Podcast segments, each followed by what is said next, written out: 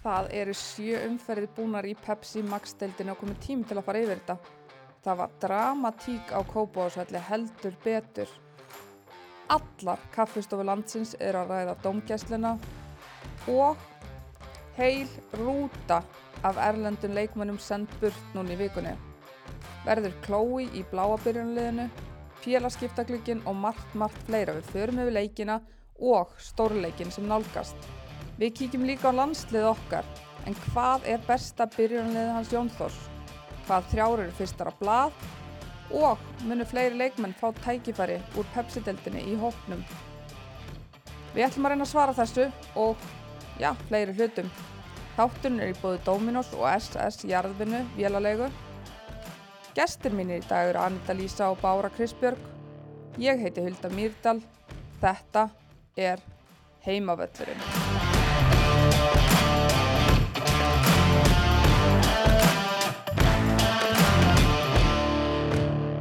Stelpur, velkomnar á Heimavöllin, Anita Lísa og Bára. Takk fyrir. Takk. Gaman að fá okkur. Gaman að koma. Mjög gaman að koma. Já, já, já. Hérna, Pepsi-deldin, það eru, hvað, sjö umferðir búnar.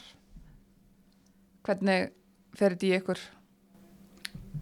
Bara þokkalega, þetta er svolítið kannski að spilast svona mestu leiti eins og var búið að gera ráð fyrir.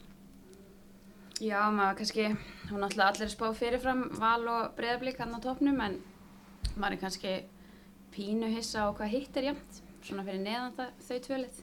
Já, en eigum við kannski bara að byrja á því uh, breyðablík Háka Víking í gær. 2-1 fyrir breyðablík og þetta var nú bara, ég var á vellinum í gær og þetta var, það leit allt út fyrir að þetta er bara jafntefli þanga til á hvað 93 eða eitthvað þegar agla skýtur í varnamann og inn og þær með fullt hús. Já. Þetta hefði verið sjokk ef að blikar hefði ekki náð þrem stigum þarna. Já, það eru gríðilega mikið sjokk, svona vitandi að Valur var komið með sinn sigur. Mm Þannig að þetta var nöðsileg þrjú stig og en sýnir kannski líka að öll lið geta alveg stríkt val og breyðablík. Það var flotta leikur í Háka Víking. Já, en þetta hefur verið, ég meina, sko, blikar rétt svo vinna þannan leik vinna rétt svo stjörnuna í síðasta leik. Agla skorar, Agla Marja skorar sigumarki líka þá. Hvaða hyggst er í þeim? Má segja hyggst. Já, ég veit ekki hvort þetta er eitthvað hyggst endilega kannski þeim frekar en það að hinn liðin eru kannski bara að ná að gýra sig upp í leikina veist, á móti breðablík og val. Um, sko, Aglamarja er náttúrulega búin að skora sjömörk og ég sá að Berglind Björg sem dæmi er búin að skora fjögur Mhm. og hún var markaðist í fyrra. Þannig að það er kannski eitthvað að háðum að vera ekki að mörkin sé ekki að koma kannski, kannski meira frá Berglindi eða fleiri mörkur öðrum áttum að því að þú veist ef þú lítur á val og breyðablika þá er valur með tölvöld betri markatölu þannig að tap í þessu leik í gær hefði alveg þýtt að þessi leikur 3. júli hefði valur hefði mátt tapa honum en verið samt í fyrsta sæti sko. Það munar hann að 6 mörgum. Uh, Valur búin að skora 26, Breiðablík 20 og svona búin að fá á sig svipað, Sonny búin að fá á sig 5, Sandra 4, þetta er jaft en Valur er að skora meira. Já, Já, vantar kannski að fá Berglindi aðeins í gang. hún náttúrulega, hún er meitt, meittist í landsleikjanum Mm en verður líklega til fyrir valsleikin, vonandi fyrir þær. Þa, þær verða að hafa hana. Já. Já, veist, það er svo sem alveg mikilvægt fyrir breyðablik en þú veist, ég minna að þú berð saman bara eins og valu og horfir á Elimettu, þá er Elimettu með nýju mörg í þessum sjö leikjum og svo ertu með Hlín og Margréti sem eru báðar held ég með fimm Mm -hmm. þannig að þú veist, þetta er svolítið svona eins og staðan er núna, þá er virðist vera allavega breyðablik þurfi að gefa þessi þú veist, Valur hefur að vinna stærri sigra, Já, nema bæðilið vinna stjórnuna nú. já. Stjarnar, já, við komum að þeim að eftir. en hún var góð í markinu í hérna HK Vikingi gær. Hún átti eiginlega bara frábæra leik. Ég held að Breiðablík hafa átt ykkur 30 skot á markið eða eitthvað. Hún Halla Margrét fyrir á bekkin, hún er Odri, mætt í markið. Það skiptir máli að hafa góða markmann. Já, gríðilega miklu máli og hún hefði alveg klárlega geta unni bara þetta stig fyrir Háka Víking. En þær voru óhefnar og kannski smá meistara hefni yfir breyðablík þarna. en svo sem búin að liggja á þeim og sangjant, veit það ekki Í- aldrei sangjant Já, þær voru allan að ég hérna horfði að viðtal við Tinnu Óðins í gær, hún var eiginlega bara í sjokki, eiginlega í móki eftir að fengja á sig þetta mark, maður skilur það sem alveg. Löðrungur í. Já. Þetta er alveg, já, svona seint í leiknum 2003 eða eitthvað. En miðjan hjá þeim, nú er fjolla meitt, hún er búin að meittist þarna tæklingin í selfhásleiknum munið eftir, þetta fór á. Twitter, það var skrautlegt, hún er Mhm. ennþá meitt eftir það, Andrea Rán byrjar held í fyrsta leikin í gær, það er gríðarlega stert að eiga leikmanni svo hana til að hoppin á miðjuna. Já, já. Ég meina, blikarnir eru með ágætið spreytt og hann getur svolítið leikt sér að færa til. Þú veist, hann hefur verið að spila Kristín Dís í miðverðinum, hún var alltaf djúb miðja. Og svo ertu með, þú veist, ég meina, þú getur sett Karolínu Leðu líka á miðjuna, þú veist, þú ert með fullt af leikmennu sem geta fyllt í þetta mínu mati, þurfti kannski að vera einhverja smá rótringar, en hann er ekkert að flæði skýri stattur, hann steini, með þetta. Nei, en hérna, já, þetta HK vikingslið, það er allavega, það er að íta frá sér. Já, og líka, þú veist, þó fyrr hefði verið einhvern veginn að mínu mati aðeins, þú veist, núna er eins og þú horfir yfir hópin er að núna þá, þú veist, eru þar komnar með alveg eins og fá Guðrungið og Ester og slánar. En þær eru búin að vinna fylki og káar sem er mikilvægt fyrir þær. mjög, en það er sko, þú veist, en eins og segið, þú veist, ég var að vonast til þess að það yrði sterkari byrjunin á sem móti hjá HK Viking, þú veist, ég var ekkert sérstaklega bjart sín eftir vetrarmótin Mm fyrir þær. En veist, það hefði verið svo ótrúlega það hefði verið gefið mókislega mikið að fá að ná jafntefli á móti breðablík bara upp á sjálfströsti sko. já, klálega og bara svona smá skellur fyrir breyðablík á sama tíma Fáum fleiri stúkuna Já, með þessu úrslit 3. júli, það ekki?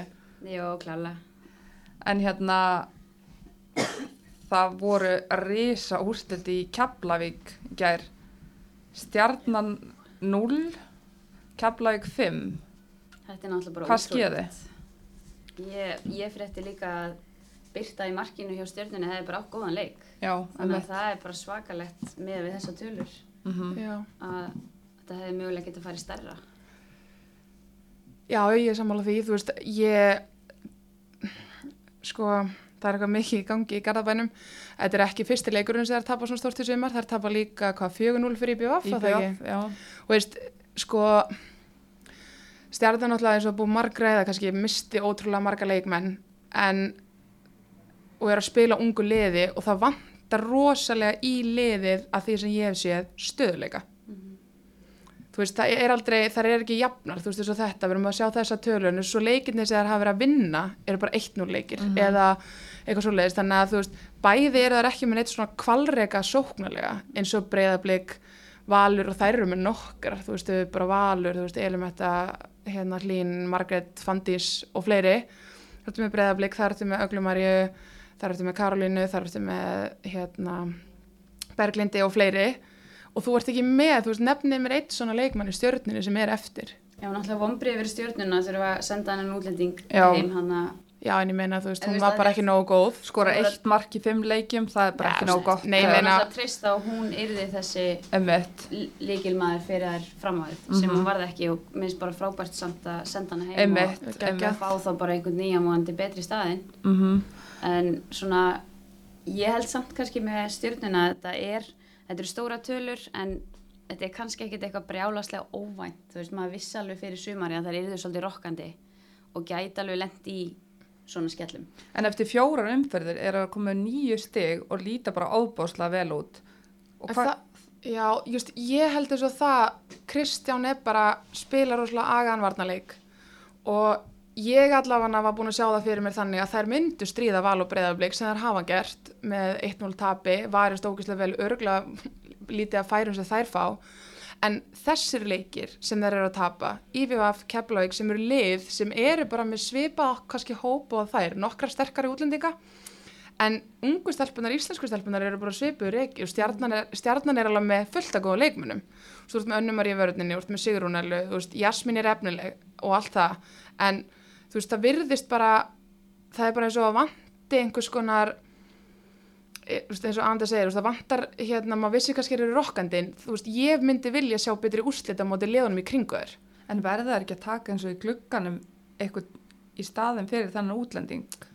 Jú, klálega. þú veist, það, það er eins og Jasmín er búin að vera góð á miðjunni það er svona, vantar eitthvað með Mm henni En ég meina sóknarlega er hún ekkert búin að vera að gera neitt. nei, á miðjunni hefur hún verið að vinna Vinnusöm, já, mjög vinnusöm. og hefur verið að reyna að búa til þarna og reyna, þú veist, en það vantar bara en það er kannski ekki hægt að taka af það kefla ekki gert, þú veist, þær voru frábærar Já, mér Já, finnst já. kannski líka vera að gerast hjá Keflæk núna það sem að maður var aðeins að býða eftir í byrjun móts og þær tóku K.R. mjög samfærandi hvað 4-0 já, í síðustu Já, umferð 9-1 markadal í tveim leikjum, þú veist Já, og með við hvað eru búin að fá mikið á mörgum á sig fyrir þetta það er lagaði svakalega markatölinu á Keflæk og, og maður svona pínu fegin að sjá loksins Keflæk komin á þetta ról Mhm. og ef að þær halda áfram að vaksa þá er þetta kannski þegar maður horfður tilbaka ekkert óvænt úslit mögulega ef að Keflæk heldur áfram að vaksa og verða bara eins góður á að geta verið Mhm. Nei, þú veist, ég er alveg sammála því, en það sem að mér finnst með stjórnuna er að því að þetta gerist í tveim leikjum. Þú veist, þetta er ekki bara eitt leikur sér tapa 5-0, það eru, það eru töpuð 4-0 þar á undan og 1-0 þar á undan, þannig þú veist, núna er það búin að tapa þreim leikjum í röð, sem er svo sem allt er lægi, en eins og segi, tveir leikir röð, svona stóra tölur, Mhm. þú veist, mér, þú veist, þetta er ekki einstæmi. Þannig að þú veist, mér finnst það áhugjefni, en auðvitað náttúrulega Keflavík er að vinna tvo leikir röð svona stórt, þannig að það er kannski ekki endilega óvænt, en eins og ég segi, þú veist, fyrirfram þá hefði ég ætlast til þess að stjórninni miðaðu hvernig það er að byrja mótið, Mhm. að þær myndu gera betur á móti þessu liðum. Einmitt. það er kannski svolítið svona stórt Einmitt. fall úr góðri byrjun Já, svolítið svoleiðis. og maður sér það bara eins og í leiknum í gær þú veist, Svendís hvað hún er mikilvægt fyrir þar og líka bara einhvern veginn þar virast vilja þetta meira bara þannig gær marki sem að Natasja skorar það er bara Svendís út á kanti og sprettur sem að Natasja á upp frá miðjunu sko Mhm. og það er engin einhvern veginn sem að já, má ég segja nennir Nei, það nennir engin eftir hana í Nei. björn, skilur, maður sér bara að það er tvær í raskatina á henni en hún bara vill þetta meira. Og þetta var svolítið gær, Svendi stingur sér e, þú veist, á undan kolbrún tinnu í einu markinu, þú veist, það eru svona það eru alltaf undan þeim keflæk, það bara vildu Já. þetta meira. Og Gunni á hlýðalínu, þú veist, það var 3-0 og hann er bara öskru sér lungun. Mhm. það er bara geggja og það er svona þetta er sama bara að maður sá í kárleiknum Mhm, og gaman að sjá henn að fylgja þessu eftir aftur. Já, og einhvern veginn náttúrulega léttir fyrir Gunna að, að ná í þessi sex stig En hann er líka með, þú veist, hann er alveg með ágætis hóp, eiginlega alveg svona kannski sterkari hóp heilt yfir en ég áttaði með á. Hann er með góða unga leikmenn og það er leikmaður sem ég finnst ekki hafa fengið nóg mikið kredit í byrjum mót sem heitir Kallamarja. Hún hefur, þú veist, getur spilað miðverðið eða miði, hún getur spilað allt, hún er tvíburi, hún á sýstir hann í liðinu líka, Írisi sýstirinnar. Hún er til dæmis gríðarlega mikilvæg mm fyrir þær og svo er þeir bara með góða útlendinga. Já hún skora tvö í gær, Sofí Já, svo er hann með Natasju og svo er hann með... Natasja er orðin, það er nú komið langlegan í það Já. að hún sé Íslandingur þannig að teljum hann ekki með sem útlending Ok. Nei, hún er, hún er búin að búa eina það lengi að hún er orðin sko ramm Íslands. en hún er náttúrulega bara eins og maður vissi með í fyrstu deildinni í fyrra, hún var svenskall þar og Einmitt. það er gaman Spilar að á sjá miðju í hana gær. já, gaman að sjá hana á miðjunni og svona hún er náttúrulega ógeðslega góð Já. og geggja að sjá hana og vonandi verður hún bara smá svindlkall líka hana Mm En Svendís, þú veist, er, hún er 18 ára, ég bara, þú veist, það kemur mér- mér á óvart hvað hún er svakalega tilbúin í þetta. Já, ég samt einhvern veginn, ég veit hvað, veist, hún er með svona eiginleika, hún er hröð og hún er rosalega hættuleg, hún getur kastað löngum yngkastum, hún getur kastað mjög langt sem er mjög hættulegt og hún er ofsalega svona áraðinn, en mér finnst samt alveg svona greinilega munur, eins og segja, þú veist, nú eru búin að sjö umfyrir eins og Anita var að segja, þú veist, kannski farnar að taka við sér svolítið í þessu móti, en með að við hvað hún skorar mikið til dæmis í inkasso eða eitthvað í fyrra eða hitti fyrra, veist, í hvort það var 20 mörki 26 leikjum eða eitthvað, Mm að þá er hún skilur náttúrulega að spila við miklu, miklu betri lið og það er kannski ekki að koma jafn mikið útrönni og Hún leggur upp tvö í gær, Já, skora ég, algjörlega, eins og ég var að segja, það er kannski að gerast núna. Já, þegar hún er að komast í leik reynsluna í Pepsi-dildinni að venjast að spila þessu tempói við þess svona leikmenn veist, þannig kannski vonandi heldur þessi þróun áfram, af því að þú veist, maður hefur heyrt hann að nefnda sem kannski mögulegan kandidat í alhanslið á næsta ári á næsta árinu. Ef Jón Þór myndi sjá leikin í gær, ég skal senda hann leikin í gær, Já, þá, nei, meina, þá er hann í næsta hóp. Já, það er, veist, það er alveg raunhæft en ég meina fyrir bara nú í byrjun móts leita það er ekki þannig út það er sko. Hún var, það var svona, virtist þeirra smá sjokk fyrir hann að að mæta. Já, veist, hún er bara vön að geta að eiga bara easy með þetta þannig að því að hún hefur haft svo mikið fram yfir varnamennar sem hún hefur mætt, hún hefur verið með hennar hraða og svona, hún er nú að mæta miklu betri varnamennum og núna verðist hún vera veist, loksins að finna taktin á Já. því leveli, að mínum mati. Já, bara eins og allt keflaugulegu kannski. Það er svona eins Já. og fyrst voru þær ekki að átta sig á svona muninum á Já, deildum. Hvert að vera mættar. Í Já. rauninni að því að maður var alltaf svona hálsvektur að því að maður vissi að þær gætu betur. Og bara eins og búið að spáði maður getur skengið í deildinni og svona en maður var alveg bara ok, já, já en þetta fara að vera svona í sumar hjá þeim bara. Já, en svo svona eins og Bárar segir með Sveindísi, hún virðist vera að komast í gang og átta sig á tempóinu og bara eins og allar í liðinu. Mhm. og ef að það heldur áfram þá eru þetta leikmenn með gæði þarna. Margir geggjaði leikmenn já, það að góða leikmannum hann sko. Og nú erum við að tala um uh, ungan leikmenn, við vorum með eina geggjaða má ég segja gamla í gær í Selfossi, Holmfríði Magnúsdóttir. Það var eitt eitt á fylkisvellinum. Þar var eru þið búin að sjá vítaspinnu dóminn þar? Já. Já, hvað er hann, hann Þórður Már? Skagamæður er hann skamaður er hann býr hann, býr hann í næsta húsi? Það er allir frá Skaganum. Hvað, hvað er hann að spá að dæma víti? Ég, getið þið líst þessu bara fyrir mig? Ég sko, fyrir mér. við, þegar maður er búin að horfa á þetta oft þá sér maður að Ída er bara smá klaufi og verist ekki hitta boltan og þetta er eins og hún gleymi boltanum, hún ætlar að fitta til hliðar og stígur yfir hann einhvern Já, veginn og og leggst á markmannin og hún veit alveg sjálf hún, henni er döðbregður að fá víti. Já, en ég sko búin að horfa þetta oft og, og það var mikil umræði um þetta upp á kaffestofu upp á Skaga í dag. Og hérna, það er víst samt hægt að réttlæta þetta með því að markmaðurinn fari niður Já, og takið hana niður. taki hana niður í leiðinni. En ef hún er ekki með valda á boltanum? Og það skiptir ekki máli í þessu tilviki vil ég meina að þetta er klaufalegt hjá markmannum líka en á sama tíma líka klaufalegt hjá ítu og svona það hefði alveg verið eftir að sleppa þessu. Mér finnst þetta soft þetta er mjög sko. soft viti og það segir það allir en sum viti eru soft. En mér fannst samt þegar ég var búin að horfa á þetta oft var ég bara glætan að þetta sé viti. Bara gleymið ég hefði bara tjúlast eða verið þjálfari í hinuleginu sko, og þetta bara líka Alfred eða svona Selfossi hefur verið óheppin óheppnar í Einmitt. svona einhvern veginn. Já, þetta er alveg annað Já, sem að það er fá bara drasl vítaspinnu. á móti Selfossi, nei á móti Val, Val í síðustu umferð. Og ég meina þá var Alfred brjálaður. En mér finnst, þú veist, ég, mér finnst þetta ekki viti því ég Nei. Ekki mér en, heldur. en þeir vilja réttlega þetta Sérfræðingarnir. á kaffistofunni dómarafélagi, nei ég tjóka, það var engin dómar nei, það var samt verið að ræða að það hefði mögulega verið ástæðan fyrir því að hann hafði dæmt viti af því að markmannu fór niður. Og Já, ég kannski- meina og- það hljóta vera einhverju reglu sem réttlæti þetta en einhverju síður þú ert í mómentinu og ert að dæmi þetta þá finnst mér þetta samt, þú veist, þurfa að vera aðeins meira judgment call á hvað þú dæmi viti og hvað ekki þetta er ekki algjörlega eftir bók þá getur bara velmenni verið að dæma, veist, mér finnst þetta gali að dæma viti á þetta, mín Já, skoðun kannski líka því að þær voru ekkert að byggja um víti eins og nei, fylgir. Veist, hún datt bara um sjálfa sig Þetta var bara svona eins Já. að verður bara hjá ítu, bara hún Já. næri ekki fyndunni til hægri Nei, og markmaðurinn er á leiðin til hægri líka og er bara þarna.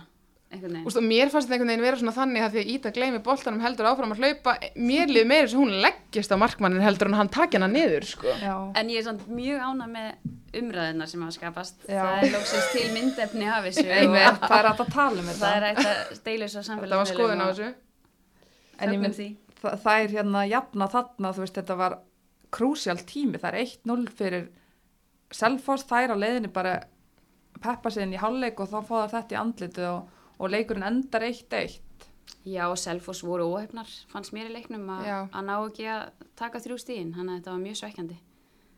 en nú erum farin heim, það var önnur send heim, kannski í sama sömu ferð og, og hann að já, það er Darian Powell já, og hérna ég sá nú á Twitter, ég held að nei það var, það var Renni, ég held að hún hafi verið mætt í Disney World bara í Já. er nú. Gott að fagna þessu Já. já.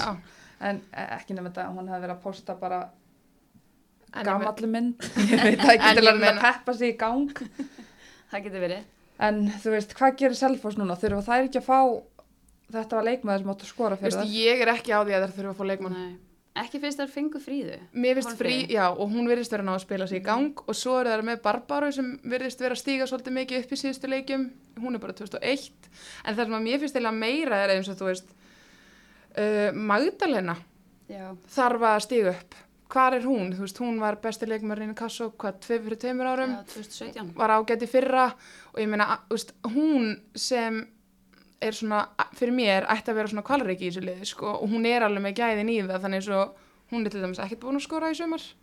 Nei, var hún ekki á bekknum í gerð? Já, þú veist, hún á bara að mínu mati að vera að gera miklu, miklu betur Mhm. en hún hefur verið að gera. Ef það er að ná henni í gang og fríða heldur á sömu siglingu og liðin er að stilla sér betur saman, nýta færi sér betur og svona, að þá er þetta selfhúslega, mér finnst þetta selfhúslega gott, sko, Mhm. eða ágætt. En mér finnst það þéttar og, og, hérna, og mér langar allavega að tala um hana 2003 mótil, Áslegu. Áslegu Dóru, Svakalega góð. Miðverður hjá Já, Selfoss. bara með konu ung þá hefur hún stíð mikið upp og, svona líkil maður bara allt innan í Já, vörninni. hún byrjaði að spila held ég eitthvað fyrir alvöru með mestrarflokki í vetur Já, Það er almennlegt. það, Það er er bara, bara- virkilega vel gert að stimpla sig svona inn. Mhm. og þú veist, einmitt eins og Andra sagði svona ung, sko, þú veist, hún er 0-3 Já, svona, kannski maður sér að það er ekki oft stimpla sig svona inn bara svona vel. Hún Nei, er bara að spila já, eins og hún sé bara með reynslu. Já. Bara geggjuð. Já, ég sammála. Eva Lind, hún fer út til bandaríkin eftir hvað, tvo leiki. Ég meina hún og Caritas komum frá bandaríkjanum bara farin aftur. Þetta var ekki langt. Nei, svo er það. Það þurfum kannski að pæli því, Ja, styrkingu á einmitt. móti. En hvernig fannst ykkur nýja leikmann hjá fylki, Taylor? Er Bara- ekki búin að mynda mér að skoðan á svona. bara- fín, þú veist. Hún var ekkert ábyrrandi en hún var ekkert herfileg heldur, sko. Þetta er bara svona, ég er svolítið svona ennþá bara að hérna þróa mitt álit á henni. Dæmi manna setna. Já. Gefa mér aðeins fleiri leiki. En fylkir hefur núna unnið Keflavík og Káar og svo þetta jafntöfli við Selfoss. Það eru komin með sjöstig. Mhm. Það er að svo aftur á móti tapað fyrir stjörnunu HK Víking sem það er kannski hvað, Mm þú veist. En sérstaklega HK Víkingsleikurinn var skrítin hjá fylki. Já, Það hefði alveg getað klárað þann leik. En svona, ég veit það ekki, kannski bara eins og önnur lið bara eru upp og niður. Já, mér finnst bara að vera svo mikið um eins og þú veist, við erum búin að nefna núna alveg nokkrar í öllum liðum sem þurfa að fá meira frá, til dæmis eins og með okkur Marja var ábyrrandi Já. í en kasso, þá Mhm. finnst mér hún ekki að nægilega mikið. En sammála því. Þú veist, Ída er markaðist í þessu liði og hún er 2002 og þú veist, það verður ekki ráð fyrir því að þessir ungu leikmenn eru að fóta sig í þessari deild og munu fara upp og niður og þú veist, meiri sér kannski líka telmaló, þú veist, hún og Marja finnst mér, þú veist, svona sóknarlega þurfa kannski að gefa aðeins meira, Já, og gefa liðinu meira. Já, og bara fleiri. Telma er ekki að stimpla sér alveg inn í liði síðan Nei. að kom heim og svona Þór- kannski syndi því með að við ánum með hraða og Berglind spilar miðvörði gær, hún hefur verið á miðinu. Mm Hún er eftir að Taylor kemur inn á miðinu, þá er hún færið aftur. sem er kannski eðlilegt svona með við meðslinn á henni þarna, hvað hétt hún? Sem sleitt crossbönd, Chloe. Chloe. Hún var varnamæður, Mm svona smá ströggl eftir það. Það var náttúrulega skellur, Það var sko. skellur. Það var Mhm. náttúrulega þetta stelpa sem kom með frönsku landsliðunum, Mhm. yngri landsliðunum, búin að spila í Hún bandaríkjunum og góð, sko, já. Mhm. Hún náði held ég bara tveim leikjum eða eitthvað. Þannig að auðvitað þarf hann einhvern veginn að leysa það og hann var ekki búin að fá neitt varnamann held ég í staðin fyrir Nei. En að- fín lausna að setja Berglindi niður ef þessi að geta. leysir Mhm. miðjuna. En fylgisliðið er líka búið, spilar líka, þú veist, aðeins öðri sig og kannski með svolítið mikinn sókna bolta en það hefur bara ekki komið nægilega nægilega mikið Nei, út úr því. nei, þær halda boltan rosalega vel, Já, en það vantar að þetta einhvern Já. veginn og þar kem ég inn að þú veist með eins og Mar Marja Rátukets og hann að eins og segja þessar leikmenn hann í kring Telmál og að þú veist, ég meina Íta og getur hana sakast Nei, hann er búin að skoða, skora fjögur mörg sko en, Og hún er að draga til sín, hún er að hlaupa út um allt og Já, reyna já, að búa til og... en þú veist, þetta er eins og þetta skilur þú veist, þessi eins og þegar fylgir er með svona leikmann eins og Marju þú veist, mér finnst ég bara geta sett þær kröfur og hún eigi að vera að gera meira eins og með Magdalenu í Selfoss Akkurat. og þú veist, Natasja Keflæk skilur þú veist, Þetta Það eiga vera þessi X-faktorar sem að bera liðið eins og já og draga í raun og veru hinar en yngri getur í raun og veru bara svona veitt um smá stuðning sko Mm nákvæmlega. Já, já, eigum að fara í Herjólf til Já. Vestmannaja. Þar var Valur enn og aftur bara, eða það er endar, það er vinnað þrjú eitt en IBF kemst yfir eftir nokkrar mínútur og svo siglir Valur þessu bara öruglega þrjú eitt. Já, ég er rauninni aldrei hætta kannski þannig. Nei, Eða, veist, valur eru alltaf góðar. já, Og svona kannski eins og þú sagðir áðan bara meira sannfærandi en breyðablík að því leiti. Mhm. Það er ekki svona, það eru bara að vinna leikina. Fyrir utan þetta 1-0 mútið stjórnunni. Já, Svona- og þar var líka, sko, þar var Birta Guðljósdóttir bara það sem skildi það að að Ómannleg fór ekki bara. stærra, sko. Þetta hún átti bara styrlaðasta leik sem ég sé, sko. Mist byrjar inn á í gær, Dóra fyrir á bekkin. Já, Hann er náttúrulega með breytt sem hann getur aðeins leikið sér með. Mhm. líka eins og múti IBVF, fyrir ekki ætla ekki að gera veist, eins og múti IBVF skilur þess að þú ert með leikmenn að mæta eins og til dæmis þess að þú veist þú ert að fara að spila við Klói, mistir svolítið varna sinnar en Dóra. Kannski hann líka svolítið að leggja upp eftir hverju hann er að mæta, náttúrulega. Algjörlega. Er Flott að hafa mismunandi leiki eftir áherslum. Nei, mismunandi leikmenn segja Já, eftir hvað til þess áherslu að geta breytt, sko, þannig að mér finnst þetta ekkert galin ákvörun hjá honum. En ég er samt ánæg með IBVF. Mér finnst það að vera að spila, eða Jón Óli er núna að spila þetta svolítið á ungum stelpum og, og hérna gefa eiga stelpum tækifæri. Já, þær eru líka að vinna, þú veist, þetta er þetta móð þarna, sjöstega móð, sexteg, þær eru með nýju steg, búin að vinna Keflavík, Stjörnuna, Háka, Víking, er að vinna þessa leiki sem að þær þurfa að vinna. Mhm. Í rauninni, já. Og kannski bara á pari við það sem maður bjóst við Já, fyrir, Og þær eru líka Tímabil. búnar með erfiðleikinu, þær eru búnar með Val, Þórká og Breiðablík, já. sem er kannski, en ætti þær ekki að geta strítt þessum liðum? jú. Jú, En svo er samt sér maður að, hérna, þú veist, að því hann er líka að nota unga leikmenn að það er líka rokkandi leiki eins og í byggarnum á móti val og svona. Það var hvað, 7-0? Já, Það var allir bara Það- jálaðir í eigum eftir þann dómara skandal. Það var svakalegt. Þau, sko. Ég var ekki þar. En þú veist, IPVF er alveg með leikmenn eins og við veitum bara í Chloe og Sisi og fullt af góðum Kristín leikmennum sem geta gert eitthvað þannig að það er eiga alveg að geta stíð aðeins upp kannski. Já, mér finnst vanta það, fyrst að Valur og Breiðablík eru búin að vinna alla leikina. Það vantar eitthvað lið og mér finnst alveg IBF kandidat í það að já, geta, strýtt þeim. já, að þrjú eitt. En ég meina, já, eitt af þessu var nú, Kottu með það. nei, hérna, þrjú eitt, mér finnst þetta ekkert, mér finnst þetta ekkert, hérna, skrítin úrslit, sko. Ég meina, það er krafa og það er val að klára liðin svo í BVF og, þú veist, og örgulega meira sannfærandi en þetta, sko. Ég meina, Mhm. breyðablík var þar heldur 2-0, sko, og IBVF, þú veist, eins og þetta, þú horfir bara eins og ber, ber saman IBVF á stjörnuna, þú veist, þá er IBVF með miklu stærri nöfnin að gæsalafa þar til að draga vagnin í sóknarleiknum. Mm Þetta snýst þá kannski svo aðlega með svo þar, þú veist, kannski er það bara að sækja meira og gefa hérna breyðablík og val meira pláss þar leðandi. Mhm. Þú veist, heldur um stjarnan, þar sem að kannski Kristján er að fara í leikina með það að leggja upp að verjast og kannski vonast þess að ná inn einu marki. Eins og stjarnan hefur verið að vinna sína leiki. með bara eitthvað, 1-0, Já. já, veist, þannig að veist, þetta er líka kannski hvernig verið að leggja leikina upp og spurning hvort eins og móti val og breyðablík hvort þú komast nokkuð upp með, kannski þarftu bara að skipta alveg yfir í varnar Mhm. hérna uh, þá þetta sé ekki fallið fókbalti, kannski þarftu bara að fara í varnarleik og vonast eftir að koma inn marki skilur og bara leggja leikin þannig upp en kannski eru þeir ekkert að gera það kannski eru þeir bara óhrættir við að taka sensa og halda sig við sinn leikstíl Já, líka bara frábært, ég minna hann að spila stelpi í Hafsend uh, sem myndir Helena á 2004 mótel. já, Mér finnst það bara frábært. já, það er ekki ekki Og svo er önnur þarna Ragnar Sara 2003 mótel Mhm. og þetta er kannski það sem að IBF þarf bara eins núna. Þær eru ekki að fara að berjast um titilinn. nei, Og það er svona spurningi, hvernig geta þið byggt upp allavega einhverjar heimastelpur? Það hefur aðeins vantað. Og núna er kannski verið svona smá vonandi langtíma plan í gangi um að búa til eitthvað alvöru lið. Og svo er náttúrulega alltaf vonandi draumurinn hjá þeim að fá allar eigastelpunar heim og segla titlinum bara í höfn. já, Það er ekki ansi margar hann út af hérna upp á landi. jú, það er slatti sko Hverjar eru það? Það er Margrét Elísa. Fandís. uh, Fandís Berglind. Þetta er alveg lið. Olga þarf að sækja hana líka. Olga fær sig ekki með kosta. Þú veist, þetta er svakalegt lið. Það er einhverja fleiri sko. það eru fleiri Hverjar eru að gleyma? Sólein allir stjórninu. já. Sóli Guðmus Þetta er alveg... Þetta er alveg það er alveg nóg til sko Já, Þannig að með einhverjum nokkrum ungum eigastelpum með það. þetta er alveg þjóðatíð. Eitt kjúra í bjöflið. Já. En hérna, það er, það er, voru stóra fréttir í síðustu viku. Chloe, hún er uh, orðin íslensk. Það er staðfest. Það er veikt. Já, við létum Jón Þór vita þessu og hérna, hann, hann sagði allavega að hann myndi eiga fund með henni. Ég minna, ef þið var Jón Þór, Hvað myndið þið gera? Þú veist, Ég myndi ekki hugsa mig einu sinni um ekki það, ég sko, heldur.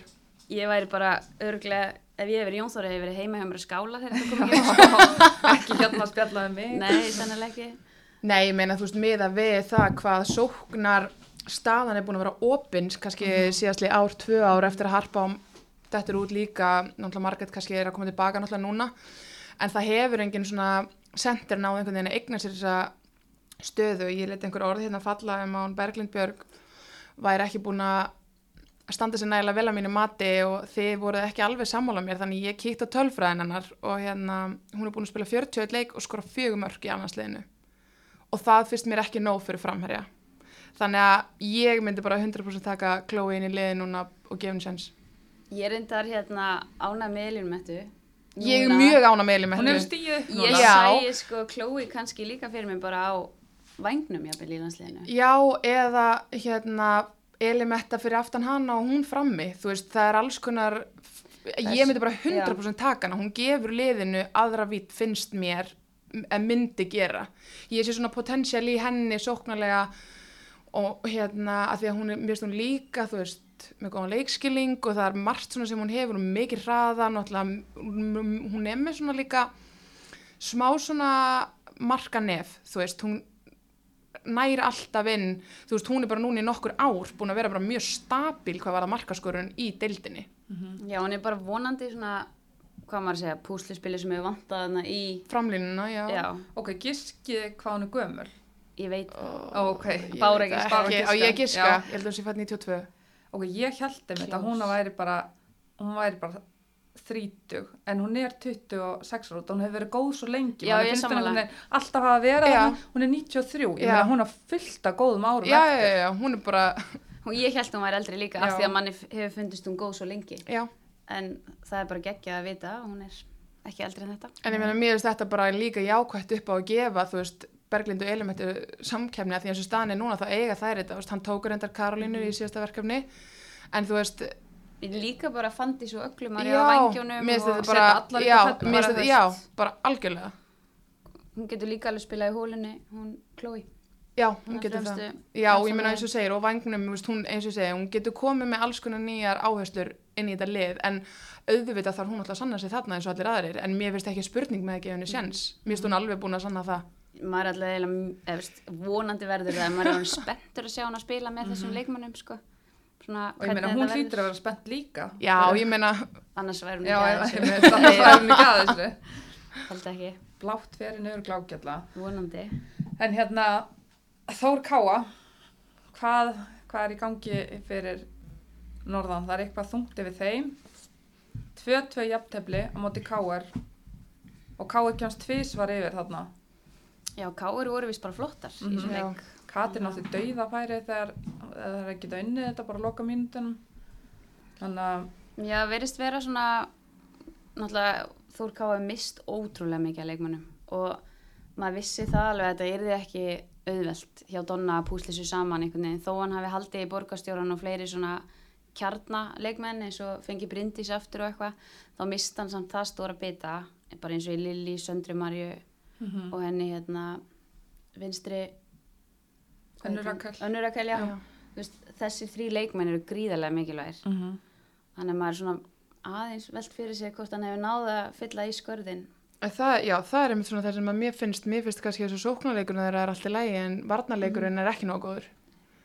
Og, þú veist, en þrátt fyrir að hann þetta nefnir hérna einhverja sem hann er búin að missa, veist, hann er samt með Örnu og Bianco og hann er með Láru Einas, veist, þetta er allt leikmenn með reynslu búin að spila lengi. Og, þú veist, Bryndís, náttúrulega góða markmaður, þannig að ég, þú veist, Lára Kristín á miðunni já, ég Andri ég skil ekki alveg akkur er að fá svona mikið að mörgum á sig. það er mjög skrítið. Eða, veist, mér finnst þetta of mikið og þær eru bara einhvern veginn að hellast úr lestinni eins og staðan er núna í þessu kaplöfum titilin. Mér finnst þetta bara að vera valur og breyðablík. Ég var að vonast þess að Þór Káa myndi stríða þeim og mér fannst þær góðir í leikjum í vetur en svo í sumar eru þær bara búin að vera annarkvort mjög góðar eða bara alls ekki nóg samfærandi. Ég meina að það tapa fyrir val og breyðablík bara stórt í fyrstu Já. umfjöðunum. Það eru samt með 13 stig, þú veist, það eru, hvað eru toppliðin komið mörg stig? 21. það er alltaf mikið Já, sko. þetta er, Þetta er langt bil, Þetta sko. er alltaf langt, en það er að vinna alla hína leikina, en það eru samt einhvern veginn svo langt frá þessum topp Já, en ég meina svo eins og þú segir, það er að gera 20 jafntöflu í káir og káir er í næsta sæti. Já, Það er bara dýrt. Ef þú ætlar að halda yfir liðin sem vinna alla leikina sína og vonast til þess að kannski vinna þær einu sinni og þær, þú veist, eða skiluru og þegar þetta bili er svona mikið, þá, bara, þá er þetta bara allt, allt og dýrt. Já, og svo líka virðist ekkert framhaldi á Donna vera eitthvað, líti eitthvað vel út. Hann er að missa Nei. fleiri leikmenn í háskóla og hann er búin að senda Írisi, hvað hollenska, hérna, framherjan heim. já. Hún er örgulega í sömu flug, saman Sama- flug og hinnir. Sama Renni og rútu- Powell. Já, það er nú einn Eh, ferðin. Kannski allar í Disneylandi. Já, En þannig að maður pælir í þeim eitt hvort að hann fái og muni í rauninni fá annan sendir eða hvað hann ætlar að gera. Og með að við hann er að missa fleiri í háskóla þá kannski er þetta orðið pínu brekka. Já, Og líka kannski horfa í bara það að þið kannski er ekki að keppum titilin lengur. Veist, hvernig á að, hvaða útspil á að vera í gangi. emmitt. En ég meina, er þá réttast hjá honum að fara að sækja einhverju leikmenn? Hann er náttúrulega með eiginlega heilt lið í hömrónum Emmitt. og þar eru efnilega leikmenn, úst, til dæmis 103, hérna, Marja Katarína Grós sem að spilaði, þú veist, fullt á veist, hann seti hann aftur í hamarana, þú veist, hann hlýtur að kalla hana tilbaka og, að, mér finnst þess að þetta við erum að horfa í það að hann er hættur í þessari titilbarátt, eh, hættur, hann er alltaf ekki, við veitum hann er ekki hættur. Hann er ekki hættur Nei, en tablan sýnir að hann, á lítinn möguleika. Já. alltaf möguleikin lítill. Og þú veist þá er einmitt eins og Anita sagði þú veist hvað er næst, ég myndi þá frekar sem eins og hann horfi í það að byrja að preppa þá leikminn sem hann er með af því að þú veist hvað fær hann að taka marga útlendinga næst, hann er með söndru og bíengu og það er eitthvað sem kostar að halda það, þú veist svo er hann með íslenska leikmenn sem er að fá norður þú veist, hann getur ekki bara alltaf kipt endalust, þannig að ég myndi núna ef ég, veist, verandi hann rosalega auðvöld að setja hér og segja já. það en akkur ekki að nýta þetta og fara að draga inn leikmenn, uppalda leikmenn og svona eins og segi, sem eru búin að vera í meistarhúsbalta í hömrónum og fara að fylla upp í þar. Já, ég minna annar flokku var Íslandsmeistar í fyrra hjá Þórkáfa. Nei, hitti fyrra, Hitti fyrra. Breiðabliki fyrra, já. Já. En svona þannig að allavega miða við það á að eiga Ég hann á nóg af ungum le- efnilegum þó leikmennum. er sé ekki kannski hvað maður segja, titilbaráttu klárar, þá geta þær klálega kannski verið í Pepsi og fengi reynslu og Já, þú veist, ég meina Karin María er að stiga upp í sömar finnst mér hjá Þór Káa og þetta er hennar þriðja sísón held ég í meistarflokki hjá honum, hún er nú leitt. já, hún skorar jöfnuna markið bara Já. með Mhm. tveim myndum, þetta er tæft hjá þeim. Mm Það, það er jafnað þarna bara tvær myndur eftir og þá annars hefði Kár bara tekið þrjú stig. já, það er svolítið eins og Káir sé með smá taka á Þór Káa. Þær í fyrra, -hmm. eða ekki, í Vesturbænum? Jú, óvænt. og mjög óvænt. Og þetta er í rauninni óvænt líka með við spilamennska Káir í sumar. Já, Kár er með fjögur stig, búin að vinna IBVF sem er bara gott lið Já. og þetta jafnteflið Þór Káa. Hvar eru sigurarnir þarna á móti? það er mjög skrítið Já, þetta er rosa skrítið að þú veist, Þú veist, ég bara skilit ekki. nei, En þú veist, ég meina, líka bara tapið á móti Keflavík já, já, þú veist, ég bara næs ekki. fara svo norður og gera játtöfli Já, ég meina, þú veist, að því þetta, núna erum við þarna til dæmis að horfa í lið, nú erum við búin að tala mikið um unga leikmenn og þeir rokki, þannig ertu bara með næsta elsta liði í dildinni á eftir val, held ég. já, bara góða leikmenn. Og já, bara gæða leikmenn, fullt af góð leikmenn, alveg bara, og ég sá leikin þeirra á móti val sem að, vali var nú bara heppið að vinna, veist, þannig að, áttu náttúrulega að vinna, en Káir voru bara vel skipular og þar, þú veist, til dæmis, var gumma bara og Katrín bara veist, alveg líklega sko. En þú veist, og ég meina Bójana er mjög skipulagur þjálfari hún er mjög öguð þannig að þú veist það er eitthvað þarna ekki að smetla hvað það er veit ég ekki en náttúrulega núna er ástískarinn komin Emmett Ástís, það er með Katrinu, Betsy, Gummu. Ástís, þú veist þetta er bara, þetta lesi ég síðast að þetta fyrst mér bara já, laufi á miðunni í, mánir í miðverði þetta er oftast, já. já. þú veist það eru með Liljudögg sem er búin að spila vel í sumar. Sandra er líka efnileg. Það er með fullt að góða leikmennu sko. Svo erum við hlíf og höllu og bekknum reynda svona að koma inn þetta er allt reyndi leikmenn sko. Þetta er ekkert eitthvað eins og þetta sé einhverju kjúklingar. Já, það er eitthvað ekki að ganga, Það er- að það er ekki að ná að vinna þessi lið bara í kringu það. Þurfa að vinna þau lið ef það er ætla að halda sér uppi, já, þú veist. það er eiga að vera að gera betur að mínu mati. Og það sem ég hef séð að þeim í sumar þú veist, sumt að ég hef bara verið sem finnst mér bara allt og lélegt með að við hópin sem þeir eru með Já, þetta virtist vera svona, það er vinna til dæmis keflaug í byggarnum, mæta svo keflaug aftur og þá emitt fjúst. hápressar keflaug þær bara og Já, það, það reyðast ekki geta brugðist við því einhvern veginn. Að það er einhvern veginn, já. Það var skrítinleikur. Já, þetta, en nú erum við allavega með tvölið með 21 stig og það er næsti leikur í 3. júli, þið eru búin að taka daginn frá, Já, sjálfsög. bara vikuna frá. Já, ég, En þú veist, hvernig horfir þessi leikur við ykkur? Við erum hann með, er ekki 7-8 úr hvoru liði í landsliðinu? já, eitthvað svo leis. Þetta verður bara geggja að leikum vanandi. Það var alveg mjög spenntur. Já. ég er bara fárlega spennt. Ég held mig við mína spá, ég held að Valur verði Íslandsmeistari, ég held að Valur vinna hennar leik. Hvernig fer hann? Já, já. Úf, ég veit hann nú ekki. Ég, mm, tveitt. Þetta verður alveg leikur, Valur vinnu tveitt. Já. Hver er skóra?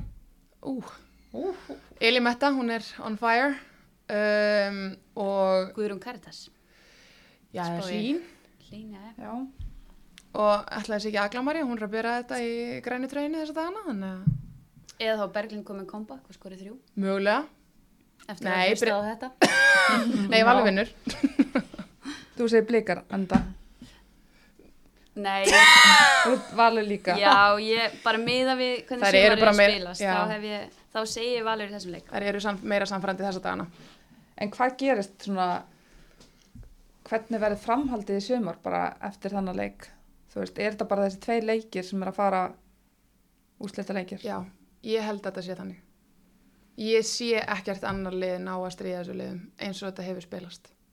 Nefna náttúrulega eins og ég gær breyðblik hefna vinna Háko Víking og auðvitað geta þessi leiki komið en ef að Valur eða breyðablik tapa stegum á móti liðum, einhverjum öðrum liðum en sem sagt öðru hvoru þá væri það óásættanlegt Mm -hmm. begja megin sko. Já, algjörlega og maður svona kannski spáir því meira eins og maður gerir alltaf með breyðablík af því að Steini missir stelpur í háskóla en hann svo sem nær alltaf að púsla góðu liði upp og nýtt saman en Valur er með það stóra breytt að þær finna minna fyrir því að missa eina, tvær í háskóla mm -hmm. hver ekki bara eina fara það eða eitthvað slags að meðan Steini missi kannski fleiri. Þannig að verður fróðlegt að sjá lókasprettinum hvort að ef að Steini er að fá unga leikmenn tilbaka úr augnablík og svona, hvort að þær stýju upp og ná að halda svona sama rönni. Já, ég held líka bara núna, þú veist, að mér finnst valslið vera að lúkka betur eins og staðan er í dag, heldur en breyðablík. Í vetur, uh, undir þegar mótið er að byrja, þá fannst mér breyðablík lúkka betur en hópurinn hjá val fannst mér betri. Þannig að ég, mér, þú veist, þær eru búin að vera núna árunni og þú veist, ég held að þær séu að toppa á réttum tíma. Vinna stórt, Já. veist, já. Það Það er já, skora það. mikið skilur þannig að ég persónlega hallast meiri áttin að val en ég minna, þú veist, það er ekkert þetta, þú, við erum ekkert að fara að afskrifa breyðaflikina, sko. Það þarf ekkert mikið að gerast þess að, veist, þetta er bara, þetta er, mér finnst þetta ekki gefin skoru megin, en ég persónlega eins og þetta lítur út held að valur kláraði þetta. En við erum nú bara sjöumferðið búnar og við erum að tala um að klára þetta.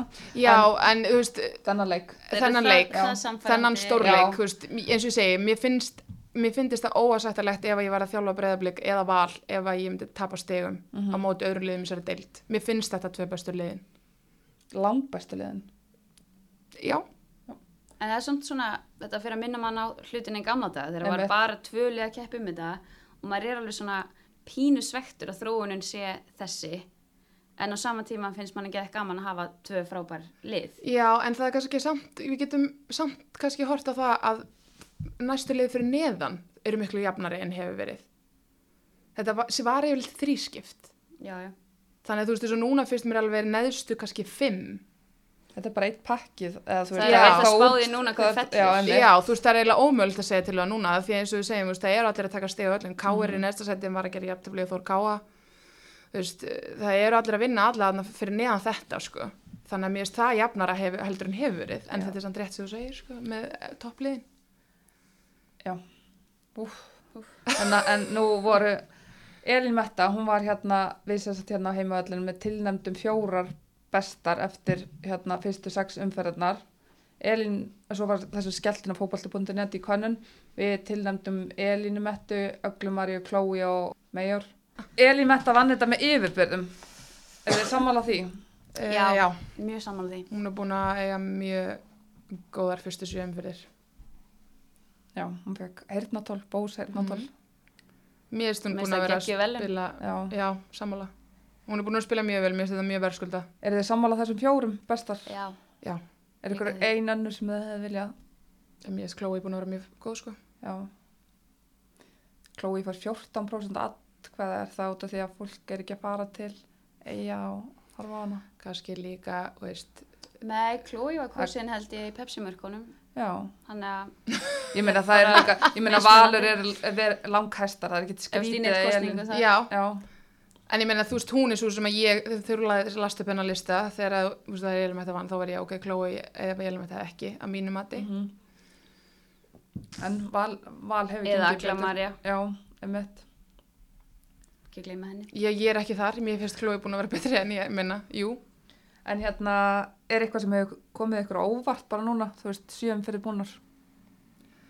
Um, Kannski bara hvað þessi neðri pakki er jafn. Já, Af því að það var ekkert að koma mann óvart með val og nei, maður þá svo sem vita, en mér langar að nefna eitt sem mér svona finnst þér að taka full mikið af umræðinni, þótt það sé líka jákvæmt þetta sé umræðinni, það er dómgæslan. Mér finnst hún vera að spila alltaf stórt hlutverk í mörgu leikjum og mér finnst að þú ert á þessu lefi líknarspinnu og þá er þetta bara eitthvað svo að geta gengið að, að vera með góða dómara. mm ég meina við erum að reyna að bæta umfjöllin, við erum að reyna að setja þetta á herra, herra plan, virðist- þá virðist einhvern veginn dómar, þeir verða að koma líka með. og mér finnst það setja eftir. Og mér finnst það skýna svolítið í gegn núna. Núna þegar við erum að fjalla um hvern einasta leik fjalla vel um allt, fara, vera að fara á alla leiki að þá finnst mér eins og við erum bara búin að ræðum og tókum fyrir hérna náðan þessi vítasputnudómur á fylkisvelli þótt þessi örgulega hægt að réttlætan einhver vítasputnudómur hérna sem Valur fekk og, og það, mér finnst of mikið að svona, dóm, svona dómar mistök ef hægt er að kalla séu að ráða úslitum Já, ég meina að það fara bara tvö stig þannig af. Já, ég meina þetta er bara ótrúlega dýrt Mm þannig að þú veist, mér finnst þetta veist, mér finnst að það þurfa að bæta uh, dómgæsluna heilt yfir í Pepsi Max deild hvenna -hmm. Og ég meina að það er alveg líka búið að vera atvik í Pepsi Max deild Karla í sumar sem ég hef séð en við erum ekki til að ræða það hér þannig ég hef einblíni á hvenna hlutan Ég meina HM, þetta búið að vera skandall Já, eftir skandall þar, skilur. Það er verið að prófa var í fyrsta skipti, þannig að þetta er, þetta er orðið þreytt að Já. það sé ekki einhvern veginn. eins og svona, þú veist, eins og þetta eins og við erum að tala um að dæma vittlaus hérna, víti sem er ekki víti að þá fyrst mér líka dómar oft alltaf rægir við að gefa rauð spjöld Mm eða gulspjöld Einmitt. og leif of mikið að því að þetta er kvennabolti eða eitthvað svoleiðis þannig að ég er svona, já, ég vil sjá aðeins meiri gæði á þessu leveli í dildinni. -hmm. En hérna, nú er félagsskipta glugginn að fara að opna, þú veist, er eitthvað krassand að fara að gerast þar? Er eitthvað, er eitthvað sem þið sjáuð að sé að fara að leita eitthvað annað? Er eitthvað búin að setja limti bekkin og ætti að fara annað? Ég með tvær í huga. Já, er Eh? Guðrún Karitas, Já, uh, hún, mér finnst hún bara verða að fara. Og það er ekki vegna þess að hún, er, hún gerir vel þegar hún kemur inn á í val. Hún hérna en þetta er áttunda ára hennar í meistarflokki og hún er síðan hún fer úr í að þar sem hún var leikilmaður er vissulega var 2014 held ég. Já, þá er hún valin efnilegust í Pepsi-dildinni það eru fimm ár síðan þetta er og síðan þá hefur hún ekki tekist að festa sig í sessi eða taka næsta skref og verða líkil leikmaður í liðunum sem hún hefur að spila í sem er þá stjarnan og valur hvaða lið smellpassar Guðrún Karitas í? um, sko, ég veit ekki hvað lið hún smellpassar í en ég sé möguleika á Selfoss Já. ég sé möguleika á KR ekki aftur káir. Nei, nei, en ég meina þú veist mér erst hópurinn betri núna heldur en KR var Já, með þegar hún var síðast en ég sé Selfoss sem möguleika fyrir hana. Um, ég held bara þú veist, hún þarf einhvern veginn líka kannski bara að finna að sjá sjálfur sér þú veist hvað henni finnst. En ég að mínum að það þarf þessi stelpa að fara að komast í lið þar sem að hún er bara að taka næsta skref, hún er búin að vera svolítið á sama plani núna í nokkur ár Hún þarf í rauninu bara að fá að spila heila leiki. basically, Já. Það er bara hún er alltaf bara að koma inn á ímyndaði eitthvað hvað myndi skora þá að fyrst að hún er að skora hún þetta skorar sem alltaf sko, Já, það er ekkert nákvæmlega. vandamál og hún hefur og ég meina þegar hún var í stjörnunni þá voru hún að koma inn á bara eins og supersöp og ég man eftir einum sérstökum titli þegar það eru byggamestrar eftir 20 ára selfossi þá kemur hún inn á og ef þessi skipting hefði ekki verið gerð það hefði stjarnan ekki unnið einmitt. Þú veist, þannig að þessi, þessi segir, það býr ógslag mikið inn en eins og Andi segir, hann vantar pínu kannski líka bara að fá traust frá einhverju þjálfara og treysta á það að hún stýi upp. Mm. Kannski líka því maður sá hann alltaf fyrir sér hafa gæðin í það að vera í alansleis útökumann og hún svo sem alveg komist inn í æfingahóp og eitthvað. En væri hún í ennþá meiri sen sem hún væri að spila meira? 100% Þú veist, það er kannski spurningin sem er svekkjandi. Búin að taka náttúrulega væri öruglega, eins og segi, mér, vantar, mér finnst vantar svona líka svona eins og þú veist smá svona presens á hann á velli þú veist, að því að hún er mitt í 90 mínútur þar sem hún er bara leiðandi framherji eða þú veist eitthvað svoleiðis. Uh, Solveig Larsen er annan nafn sem að kemur upp í hugan hjá mér búin að vera, mér, mér finnst hún vera uppfyllningarefni hjá Steina. Kom inn á í gærð í, þú veist, tímyndir eða þú eitthvað. veist, þetta búið að vera svona í nokkur ár. Já, mér finnst hún alveg að horfa í annar lið eins og Guðrún Geð og Esterós hún er það góð allavega, hún getur alveg spilað Já, þannig að þú veist, allan þessar svona tvær sem eru efst að blæði hjá mér um, sem ég myndi vilja sjá leita annað í glugganum. Mhm.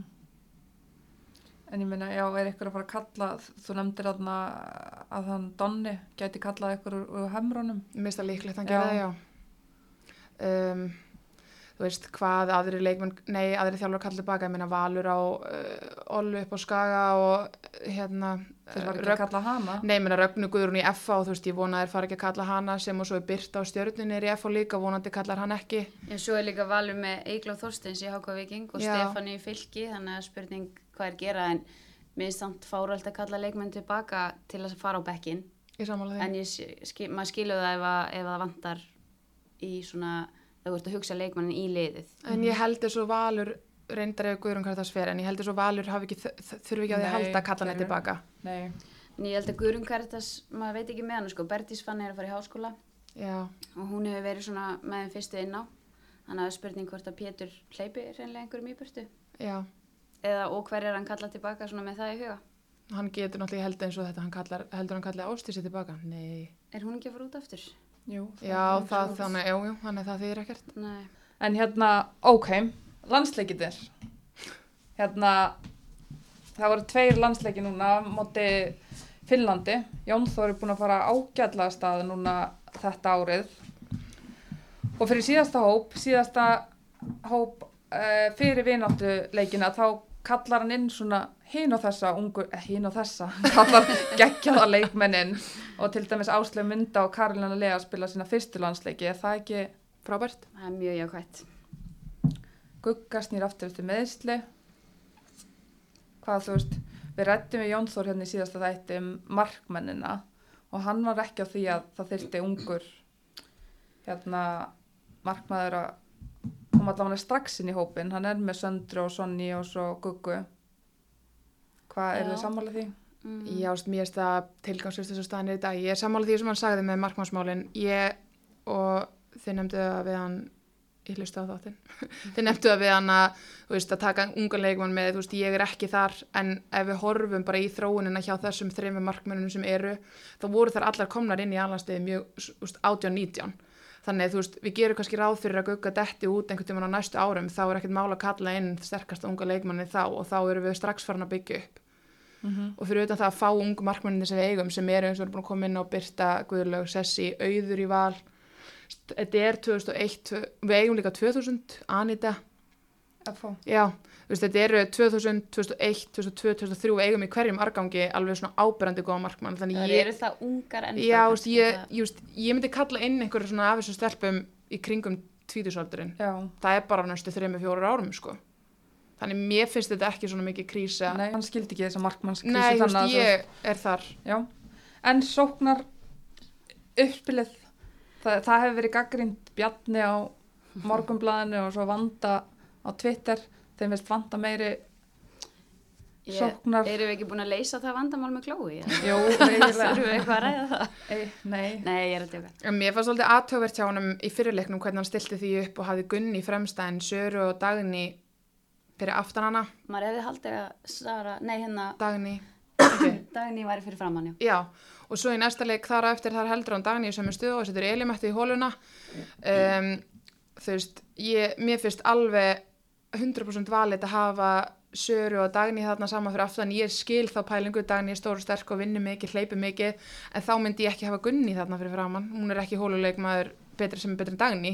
Mér finnst lógikin hafa Elimættu miklu betri og eða þá hafa Chloe þarna og Elimættu frammi ég meina þú veist það er fullt af hlutum í þessu en mér finnst skrítið að hafa Gunni fremst á miðu mér finnst hún miklu meiri svona þjarkur Já, fætir inn á Já. tilbaka. En mér var samt geggjaðan svona lét bara áslöf myndi byrja setnileikin. Já. Já, mér finnst það geðveikt. Bara svona, veist, komið tími til að sé einhver aðeins að stríða Hallbergu þarna í bakverðinu. Já, bara algjörlega. Og Hallberga, veist, er vonandi ekki hætta en þegar að því kemur þá þarf einhver að vera tilbúin að taka við keflinu. Mm Og það er ekkert, maður hefur ekki alltaf séð landsliðstjálfarinn svona þóra þessu. Nei, Mm Svolítið mikið að halda bara Hann- sama og, Hann, Hann hefur þórað líka. já, og líka Já. með ástur, Já. skellti henni hann er líka búin að vera að nota þessa leiki, þú veist, hann rótir að mikið. Allir leikir sem hann er búin að spila, hann er bara að skoða. Hann er ennþá að finna hvað hann er með í höndunum og hvernig hann vil leggja upp út frá því, held ég. Og sérstaklega eins og þetta, hann byrjar hérna áslöfmundu og eins og segir, rótar hann í kringum miðuna, það eru greinilega, maður sér það svona vissa stöður og svo setur hann Ingi Björgu í miðurinn í öðru leiknum, bakurinn í hinum, þú veist, hann er að hugsa hver tekur við að sif, þú veist, það eru leikmennar það sem eiga ekki mörg ár eftir, þótti séu alveg nokkur. Og það er ekkit af því að vera farin að horfa í næstu kynnslóð og þú veist, mér varst bara mjög vel gert hann að taka þessa ungu leikmenn og láta þær spila. En undankjöfnin í haust, ef við förum bara í það, smá svona óvænt test, en hérna þið eru þjálfarar og undankjöfnin er að byrja, hver er hægri bakverður hjá okkur? Á ég byrjaði Já, anda, Á ég segja liðið bara hægri hægri bakvörður. bakverður. Uh, Ingi Björg, Já, minn líka. Miðverðir, Glótis og Sif, Glótis og Sif, vinstri, Hallberga. Hallbera. þrýr miðjumenn. Ég segi Sara, Gunnhildur og Dagný. Um, Sara Gunnhildur Dagný eða Sara Dagný Chloe. Ég vil sjá Chloe áður en ég tek loka ákvörðunum um þetta. Hægra, hægra megin, hægri kantur. Ég segi Chloe. Um,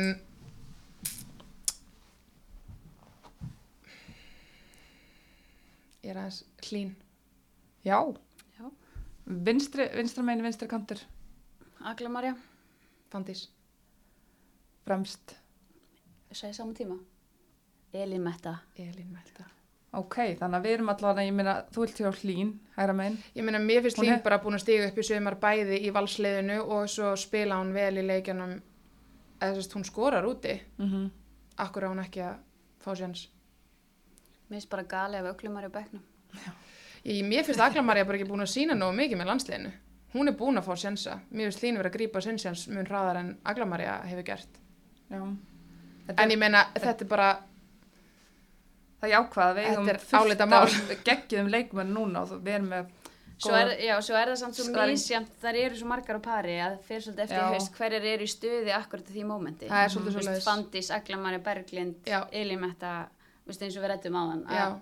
Það er einhvern veginn svo erfitt að segja til um að núna, svo getur bara einhver verið í smá niðursöflu. Þú veist, ég myndi spila svo svona eins og ég var að segja núna í dag. Já, svo líka fyrir eftir hverjum við erum að mæta þannig að þú- 100% þetta er náttúrulega, en þetta, þú veist, ég allavega, þú veist, Aglamarja, ég myndi hafa hana, veist, á vinstri kanti ef ég myndi hafa hana á kanti, en mér finnst hún ekki búin að vinna það af fandísi að mínu mati, þú veist, ég myndi ennþá eins og stannir í dag að spila fandísi, en ég myndi, mér finnst hægri kanturinn aðeins opnari staða.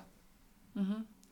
En hérna, er eitthvað fleiri sem að þið myndu vilja sjá fá tækifæri hjá Jónu Þóri sem hefur ekki fengið tækifæri? Sko, ég er alveg svolítið heilla staði að taka sveindisi ef hún heldur svona áfram. Um, hvort hún sé tilbúin fyrir alansliði er svo annað mál. Uh, ég, hérna, mér finnst hún allavega, þú veist, eins og Anders að hann búin að vera stíð upp í leikjanum og hérna, mér finnst hún alveg option, en mér finnst hún, mér finnst hún ekki komin í að blantu þessu sem hann tók Hún síðast. kannski þarf bara að blómstra áfram með U19 og, og vinna sig svona áfram þar líka. Til að Er hún-. Við gleymum samt, ok, Já, er eitthvað önnur í Pepsi-deldi sem að gæti gæti við gleymum Alessandru, sko. Já, ég myndi ekki í dag endilega setja hana inn á miðuna fyrir þessar. í byrjanlega? Ekki byrjun að leiði, myndi hana Já, klára. mhm. En ég menna, ég sé alveg fyrir mér Sara Dagný Alessandra á Gunnhildur og, miðinni. já, Gunnhildur mögulega bara bakvörð. Ingibjörg út. ó. Það ekki bara að setja sefa bækir. En hverjar, ok, hérna hverjar eru fyrstu þrjára blað hjá Jón Þór, Jón Þóru? Ef að hann er að fara, hverja hald, Bara hver, örugastar í liðinu. já, hver, hverja haldið Gugga, þið? Glódís og Sara. Glóti Sara. Ef allir eru heilir. Já, bara hverja, hverjar eru fyrst, Þetta er eru fyrsti leikmenn og blað. já, Já, sammála. já. Ég held, ef að Sifir heil þá er hann alltaf fyrsta blað. Hlýtur að vera ásang Guggu. Sara hlýtur náttúrulega að vera fyrsta blað. Já, þannig að Sara, Sara, Sif, Gugga. Já. Ef að halda áfram. Ég meina, við erum að sleppa er veist, Hallberu. svakalegt. Gunnhildur Issa. Já, Einmitt. við erum eitthvað að henda henni til hliðar. Þetta er, Ég það. er að henda henni til hliðar. er svona aðeins íta við henni. Já, hann getur allan að farið yfir þetta podcast fyrir áður hann velur hópin fyrir stóru leikina þegar að- Viltu að koma ráðum á skaganum, hann getur líka bara ringt ykkur Anítu og náttúrulega bara aðstof. pingla á bjöllina hjá okkur. Sennilega síðasta sem hann gerir. En hérna það er inkasso, þetta er miklu jafnara en Pepsi. Þú lítur á klukkunan í dag. Já. Þú ætti að vera mætt. Heyrðu, fyrst að við erum komin í stuð hérna, þá er hvernig fer í er fjölnir. Ég held að fjölnir takja það. Uh, augnablik afturhalding. Augnablik. Erfitt með við afturhelding vanþrótt. Já, Ég það var, held augnablik. En augnablik, og svo leikur spilaður 8. júli síðasta leikurinn í umferðinni Tindastóll Grindavík. Sko það verður, held ég, jafnasti leikurinn af þessum. Grindavík hefur fengið lítið mörgum á sig. Já. Tindastóll hefur skorað mjög mikið. Og þetta er líka bara En þetta er svona tvö utan á landilið, yðnaður, ég held að þetta verður bara hörkuleikur. Tindastóll í fjórða sæti, það er um Ég, ég held að Tindastóll vinni, Tindastóll vinni þennan leik, en ég held að Grindavík sé að fara að gefa þeim leik. Með Grindavík var hann FH, sko. mm -hmm. Grindavík eru mjög skipulega tilbaka. Já. Og Þannig hefa að komið á óvart, það byggust ekki allir að... þið fóruð ófögurum orðum um þetta Grindavík. Við vissum ekki neitt. Nei, það er nákvæmlega máli. En við sjáum það allan núna töflun og það er í fymta sæti og bara í góðum málum. Ég meni, ég held að þetta verði eins og ég segi jafnasti En ef ekki bara segja þetta gott. Herri, takk stelpur kærlega fyrir komuna. Takk fyrir okkur.